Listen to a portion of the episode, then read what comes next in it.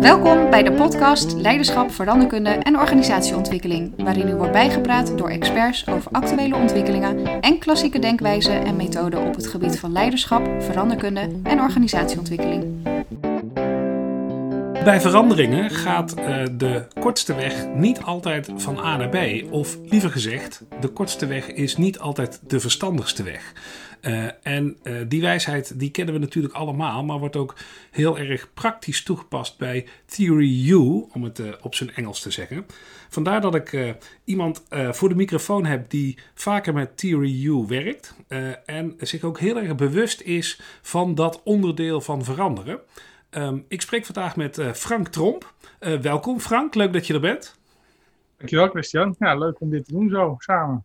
Ja, zeker. Um, we doen het uh, via Zoom, hè, dus dat is lekker ja. op afstand. jij in Amsterdam, ik in Dieren, maar dat, nou, ik merk dat dat eigenlijk steeds beter gaat ook bij dit soort opnames. Dus leuk dat we dat zo kunnen doen.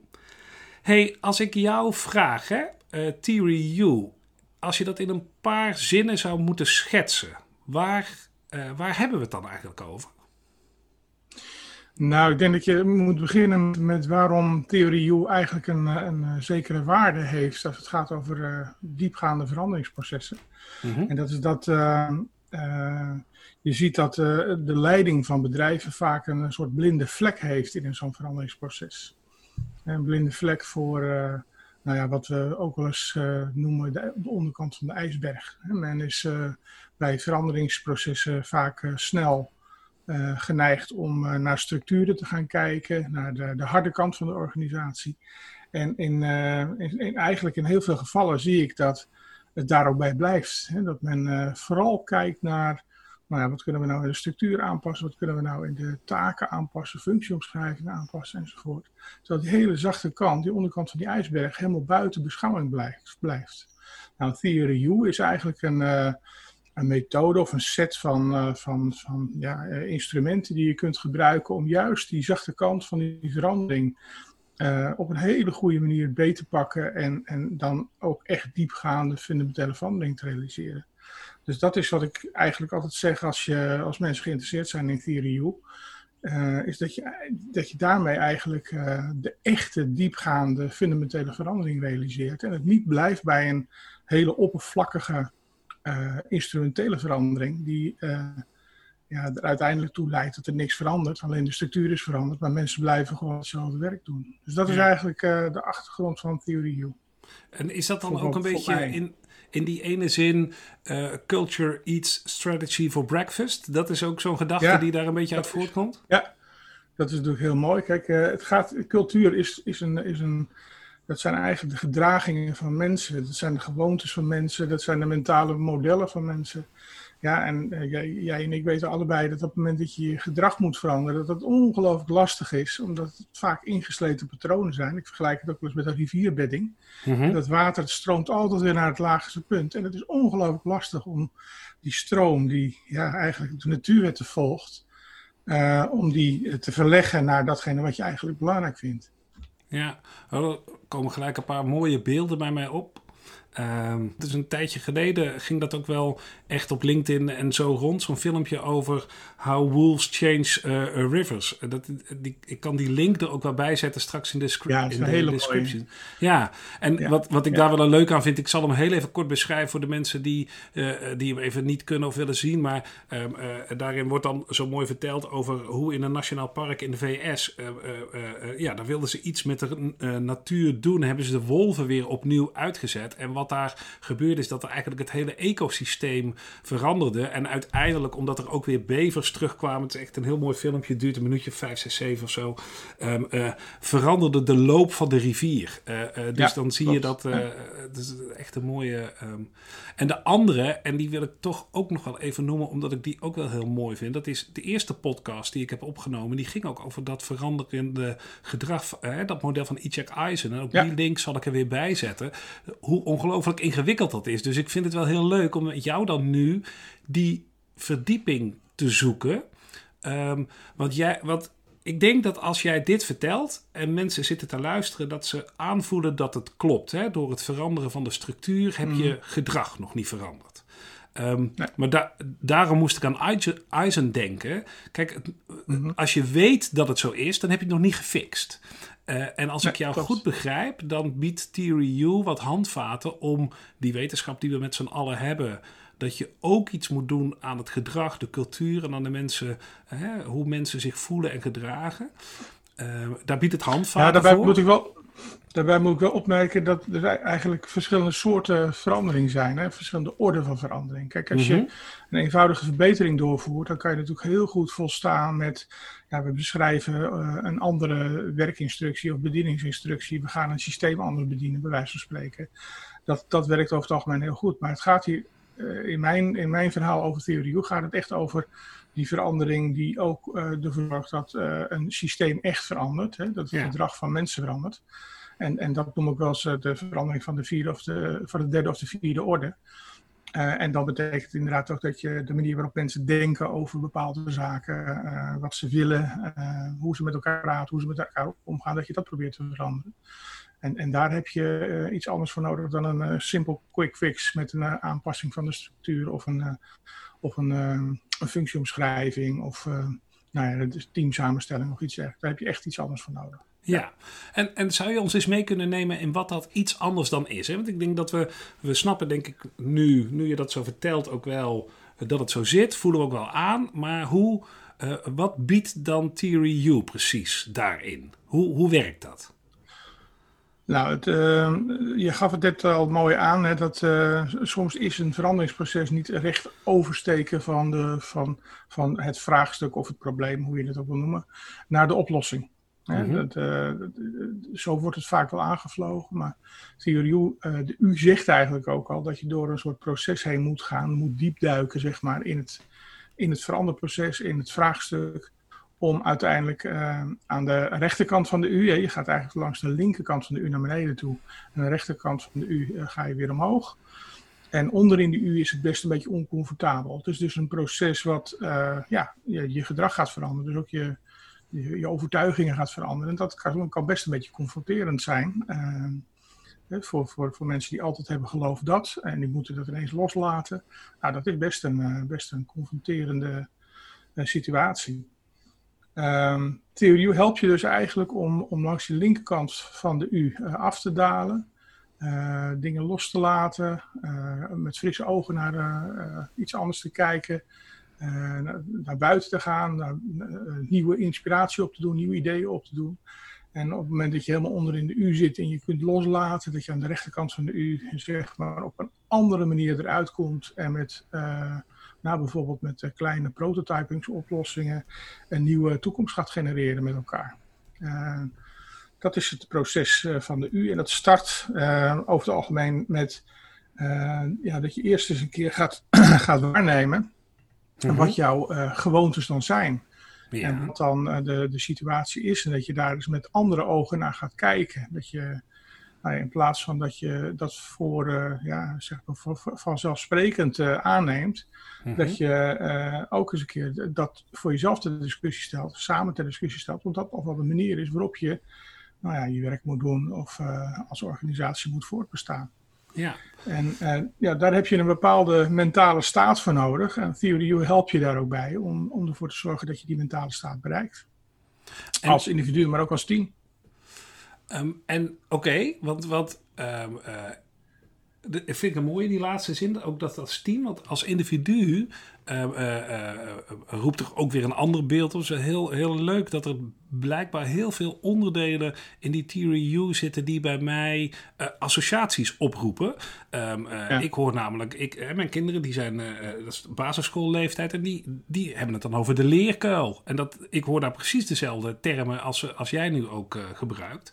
Hè, de, door, die, de, door die kuil dan weer naar boven kijken. Ja.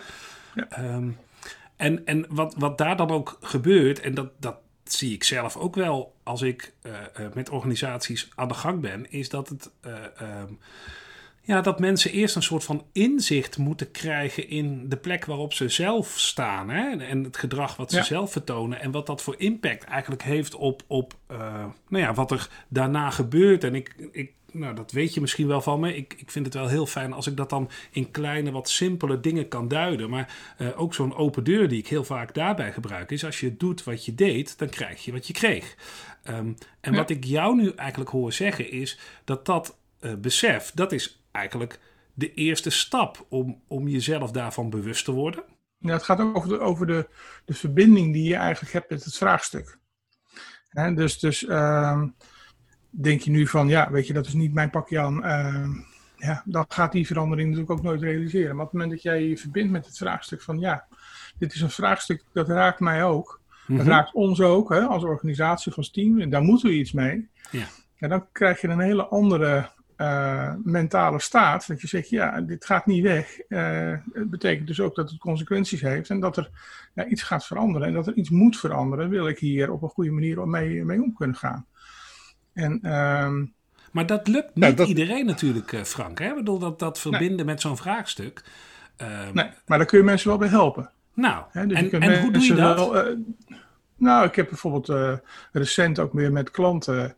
ben ik op bezoek gegaan bij andere klanten. Mm -hmm. Bij andere organisaties, sorry. En dus dus je, je, je gaat dan met frisse ogen naar hetzelfde probleem kijken. Dit ging dan over modernisering.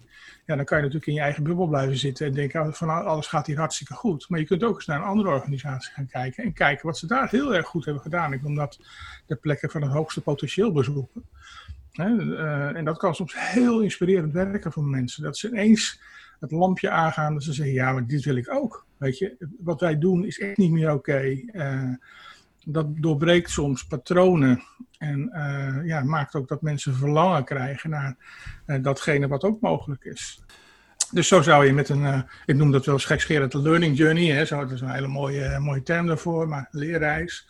Maar ga nou eens naar plekken van het hoogste potentieel. Dat kan ook op het gebied van leiderschap, dat kan op, op het gebied van ondernemen. Ja, soms kan het ook een, uh, een theatervoorstelling zijn. Je moet daar heel creatief in zijn. Maar het gaat erom dat je, dat je een appel doet op dat, dat, uh, dat, dat echte, ja, ik zou zeggen, dat diepere verlangen om te kunnen bijdragen aan, uh, aan de organisatie waar je werkt of het team waarin je werkt. En als je, als je, als je dat weet te raken, dan, dan gaan mensen over het algemeen wel eens met andere ogen kijken naar de, de eigen prestaties, het eigen team. Ja, en oké. Okay. Dat kan, kan heel, heel veel inspiratie brengen. Ja, maar dan, uh, dan zijn ze nog niet helemaal onder in de U, volgens mij. Nee, nee, nee, klopt. En wat, wat wordt nee. dan het vervolg? uh, nou, het vervolg is ook om het gesprek aan te gaan. Uh, en dat gebeurt eigenlijk heel weinig in organisaties. Over wat drijft jou nou om bij deze organisatie te werken? en soms kan dat heel verrassend zijn.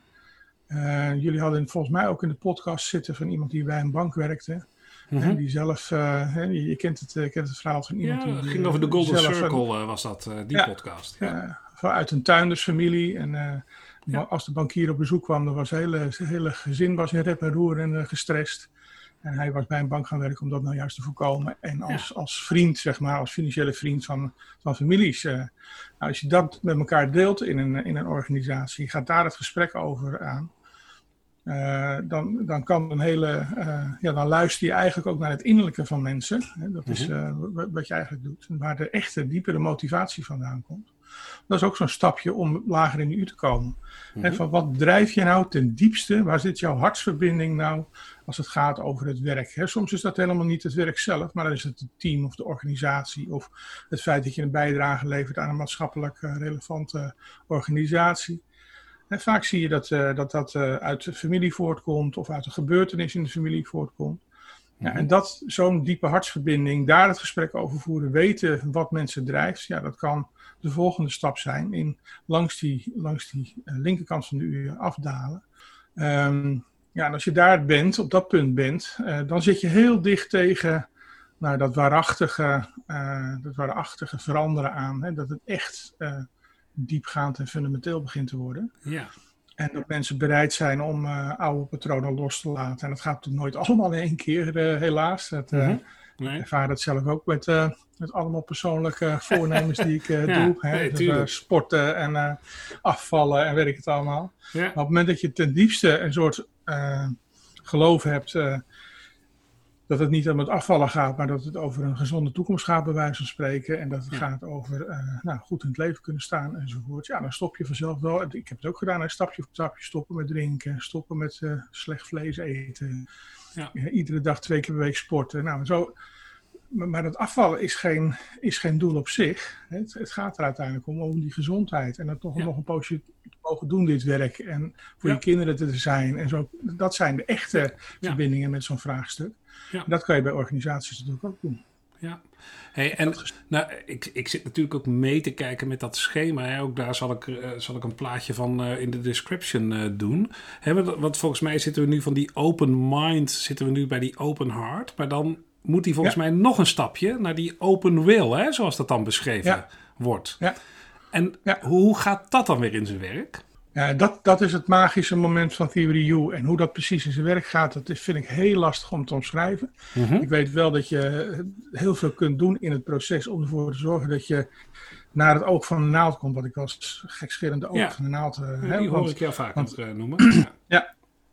Ja, het oog van de naald, nou ja, dat heeft natuurlijk een, eh, een historische volgens mij bijbelse betekenis. Zeker, zeker. Maar het gaat eruit om, de, uiteindelijk om dat je aan de ene kant van de naald, van de oog van de naald, erin gaat en aan de andere kant echt getransformeerd uitkomt. -huh. Nou, dat klinkt dat natuurlijk heel zweverig, maar dat kan echt. Ik heb het zelf ook ervaren. Toen de, mijn eerste ervaring met, met Theory U was ik zeg maar uh, leidend voorwerp. Hè? Was ik geen leider van het, mm -hmm. van het programma, maar was ik gewoon onderdeel van het, uh, het programma wat volgens Theory U was vormgegeven. Ja. En ja, op het moment dat je dan ook met, met elkaar aangaat, het gesprek aangaat over, nou ja, dat zijn die, die, die drie stemmen die ook bij, dat, dat zit ook in dat modelletje, hè? de drie stemmen die je aangaat, maar ook de voice of fear, hè? Van, van wat zijn nou mijn angsten op het moment dat ik mijn vaste patronen loslaat, mijn denkmodellen eh, loslaat. En wat, kan, wat is dan het ergste wat me kan gebeuren? En dat je daar met name ook het gesprek over aangaat. Dan kan er iets gebeuren in een groep, waardoor uh, er een situatie ontstaat dat ze zeggen, ja, dit, dit laten we niet gebeuren. Hè? Dit, dit gaat zo de verkeerde kant op. Wat we ook ja, wat we ook doen, maar wij gaan er nu volle bak voor om er iets, iets moois van te maken. Ja. ja. dan ben je eigenlijk door dat laagste punt van de UE nog door het oog van de naald heen. En dan kom je aan de andere kant een soort team uit, wat tegen elkaar zegt van, uh, we nemen nu die verantwoordelijkheid, we, we, we, worden eigenaar van dit vraagstuk. En dan zie je energie ontstaan die soms uh, uh, oplossingen en, en situaties mogelijk maakt die je eigenlijk daarvoor niet voor mogelijk had gehouden. Ja. ja. Wat ik het fascinerende ook wel vind aan dit soort verhalen is, ik, um, het klinkt uh, uh, logisch, het klinkt als complex en het is ook gewoon, het heeft zijn tijd nodig. Um, en wat ik zelf op het moment uh, dat ik in veranderingen zit die hier ook op lijken, wat ik zelf wel het complexe vind, is dat ehm, je als je dit aan de voorkant heel helder aan mensen vertelt hoe het werkt. Uh, het, dan zijn ze een soort van, zeg maar, voorbereid of uh, staan, ze al, staan ze al half open of sommigen juist half dicht, waardoor dit heel erg lastig is, hè, om met name helemaal onder in die U te komen, om door dat oog van de naald, om even jouw idioom daarbij ook te gebruiken, uh, om daar doorheen te kruipen. Um, dus als je het van tevoren vertelt, dan bestaat de kans dat het niet werkt. Uh, terwijl wanneer je het van tevoren niet helder genoeg maakt hoe complex dit kan zijn. En het uitleggen van die complexiteit, dat kan juist weer door dit model te laten zien. Maar als je het niet van tevoren uitlegt, dan wil, denk ik, maar ik ben ook wel benieuwd hoe jouw ervaringen daarbij zijn. Maar ik zelf heb dan ook wel meegemaakt dat mensen ehm, het ook eigenlijk niet aan willen. Hè, wat te ongeduldig zijn van ja, hallo, ja. we zijn hier nou al, al al twee maanden bezig en uh, ja. het is nog steeds niet zichtbaar. Terwijl als je het verhaal wat jij nu beschrijft een beetje volgt, dan voel je aan dat dit natuurlijk een proces is wat in sommige organisaties kan dit heel snel gaan, maar even in zijn algemeenheid heb je hier echt wel uh, uh, maanden of soms zelfs jaren nodig om, om, om echt dit te doen. Um, en, en de wereld is misschien toch ook wel wat ongeduldiger en vluchtiger geworden. Van joh, ja. we, we, gaan zo'n veranderproces in. Uh, en de eerste resultaten moeten gewoon vrij snel zichtbaar zijn. Want hè, we besteden ja. daar heel veel tijd en geld en uh, andere middelen ja. aan. Uh, nee, ik zal, niet zeggen dat, ik zal niet zeggen dat het eenvoudig is. Slaat de spijker nee. op de kop als het gaat over leg je het aan de voorkant uit. Of moet je het laten mensen doen, laten doen en laten ervaren. En dat je dan een stukje uitleg erbij geeft. Ik denk dat dat laatste beter werkt. Ook omdat je dan die andere voices misschien wel wat vermijdt. Hè? De voice of uh, criticism en de, de voice of judgment. Hè? Dat je, nou, die stem hebben we allemaal in onze hoofd. maar, maar, alleen al het gesprek aan te gaan over die stemmen. Ja. dat is dan wel een onderdeeltje van Theory U maakt wel dat mensen snappen, oh ja, kijk, nou komt mijn stem van het oordeel naar voren. Die moet ik even, ik moet zo lang mogelijk proberen mijn oordeel uit te stellen en me openstellen voor datgene wat, wat zich aandient. Um, dus je moet het, in, denk ik, eh, in, in, in de veranderkundig zodanig aanpakken dat je het gefaseerd brengt. Dus dat mm het niet als one big solution voor alle grote problemen die er zijn. En dat mensen het moeten doen en moeten, moeten ervaren. Je zei van dit duurt jaren, dat hoeft niet. Nee, dat is, nee ik zei het kan. Ik heb gezien dat het, het kan. Ja, ja, Als het een hele grote organisatie is, zeker. Maar als je een team hebt die je zeker. door Theory U hebt, dan kan het in een dag, dan kan in drie dagen.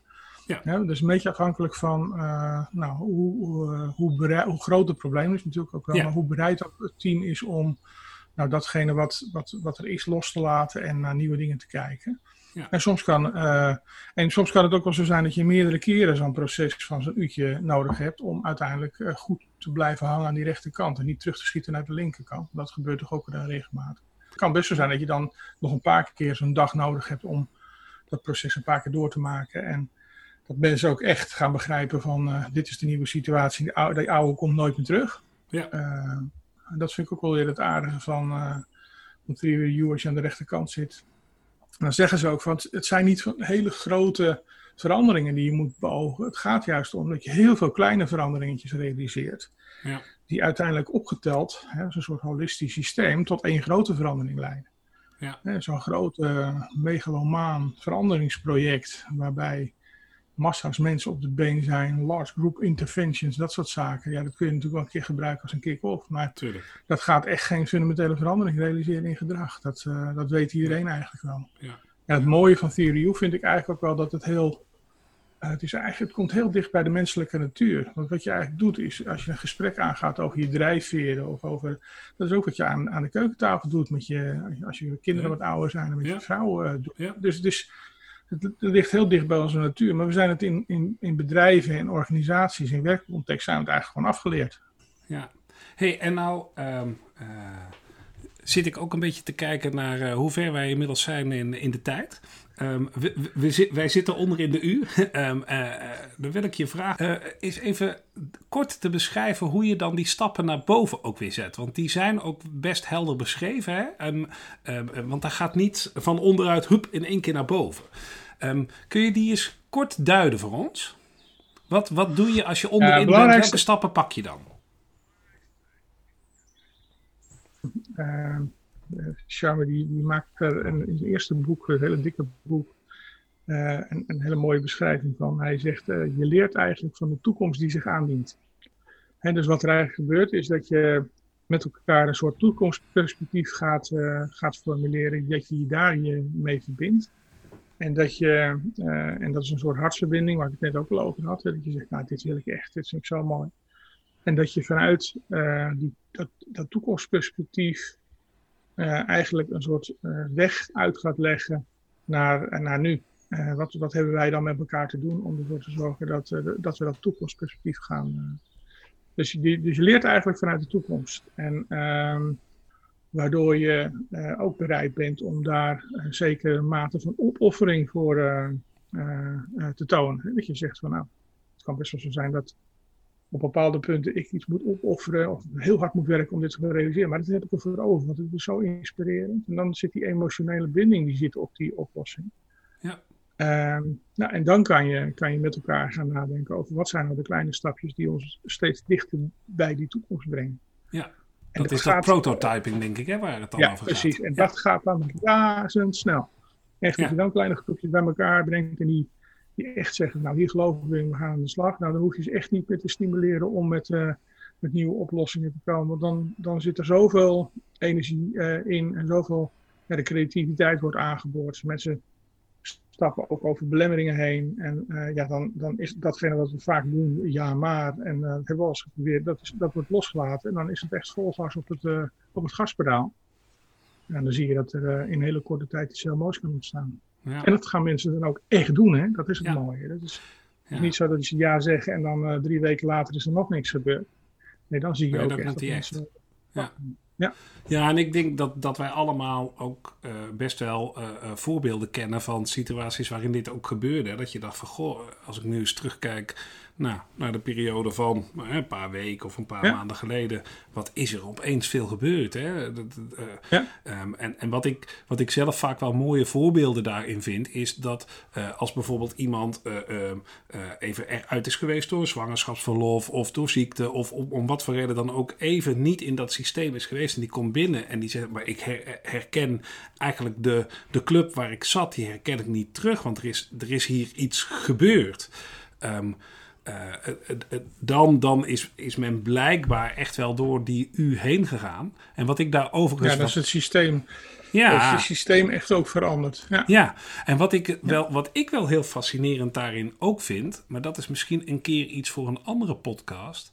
Um, uh, is dat dat uh, bij die, uh, die enkelingen, die zeg maar niet helemaal meegegaan zijn door de U, maar wel nou, delen daarvan hebben meegemaakt, of wel het, het verlangen hadden, of wel het probleem zagen, vrij snel ook tot zeg maar het nieuwe, normaal zou ik bijna zeggen, maar het nieuwe gedrag, de nieuwe cultuur, het nieuwe zeg maar, zijn zich verhouden. Ik heb dat ook wel gezien, hè, dat mensen.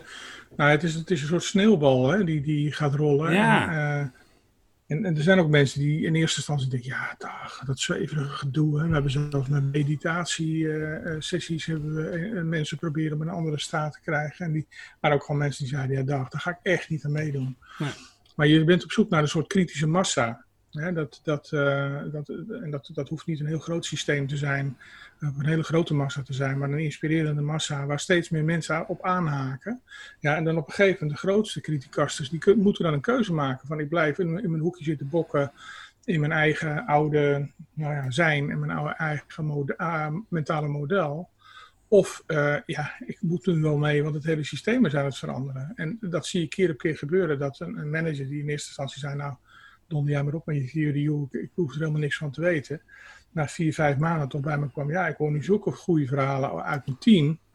Dat ze tegen mij hebben gezegd: je moet toch eens een keer met die jongens gaan praten. Want uh, wij willen ook weten wat dit is. Ja, dan, dan, dan word je eigenlijk door het systeem meegesleurd in die beweging. Ja. ja. en dan is het systeem ook echt aan het veranderen. Als, als mensen tegen elkaar gaan zeggen: van joh, heb je het gehoord? Uh, ja, dat, uh, het gebeurt bij, natuurlijk bij de koffieautomaat. Ja. daar, en niet in de vergaderingen. Dat, dat is ook wel een, een besef wat je uh, continu in je achterhoofd moet, eh, moet, houden. Ja.